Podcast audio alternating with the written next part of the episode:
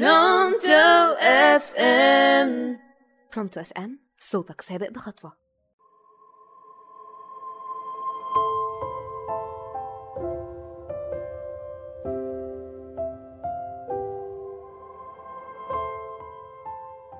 يا مساء الفل عليكم. معاكم صافي إبراهيم على Pronto FM وبرنامج المشهد يشهد.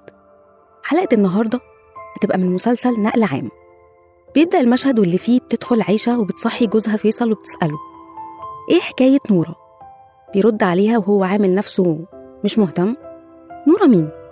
لكن هي بصت في عينه قوي وواجهته كلمني أنا عاوزه أفهم إيه حكاية نوره قال لها الحكاية أنت عارفاها كنت أعرفها من زمان كنت بحبها بس والله العظيم أعرفها من زمان قوي قبل ما أعرفك أو أقابلك يعني عمري في حياتي ما عرفت حد عليكي. قالت له لما أنت تعرفها من زمان. بتطاردها ليه دلوقتي؟ بعد سكوت طويل منه رد وقال عشان لسه بحبها. قعدت على الأرض وكلها يأس وخيبة وهي بتعيط وقالت له طب وأنا؟ قال لها بكل برود انت إيه يا عايشة؟ انت عارفة كل حاجة. عارفة أنا اتجوزتك ليه؟ اتجوزتك عشان أرضي أبويا. بصراحة كده وما تأخذنيش يعني من غير ما تزعلي مني. كنت متخيل بجوازي منك هقدر أنساها. خصوصا بعد ما أبوها رفض يجوزها لي وهي في ذهول ومن خيبتها قالت أنا ذنبي إيه في كل ده؟ ذنبي إيه أبقى بديل؟ تقبل تعيش بديل يا فيصل؟ قال لها مالكيش ذنب بس أنا كمان ماليش ذنب. وتصدقي بالله أنا مش عارف انت بتحبيني على إيه. أنا عمري ما عرفت أعمل لك أي حاجة عدلة ولا عرفت أحسسك إني بحبك. أنا مش بكرهك بس مش عارف أحبك. قالت له يا فرحتي.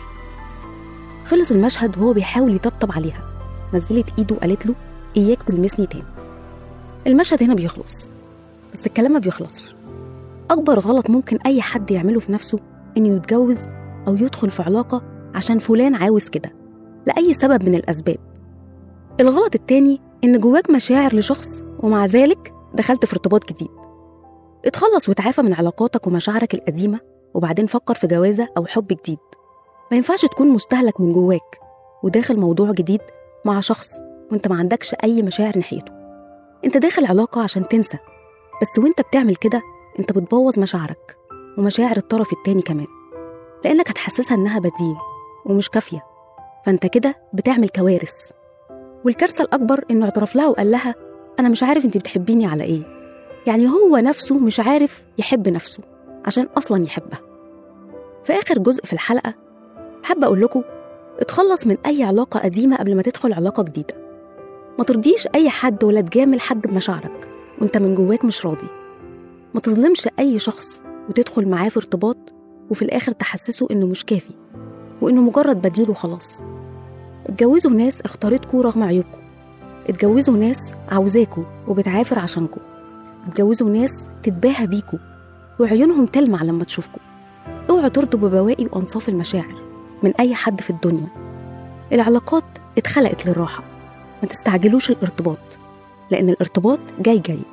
وعلى رأي المثل اللي بيقول قعدة الخزانة ولا جوازة الندامه كنت معاكم صافي إبراهيم على برونتو إف إم والمشهد يشهد.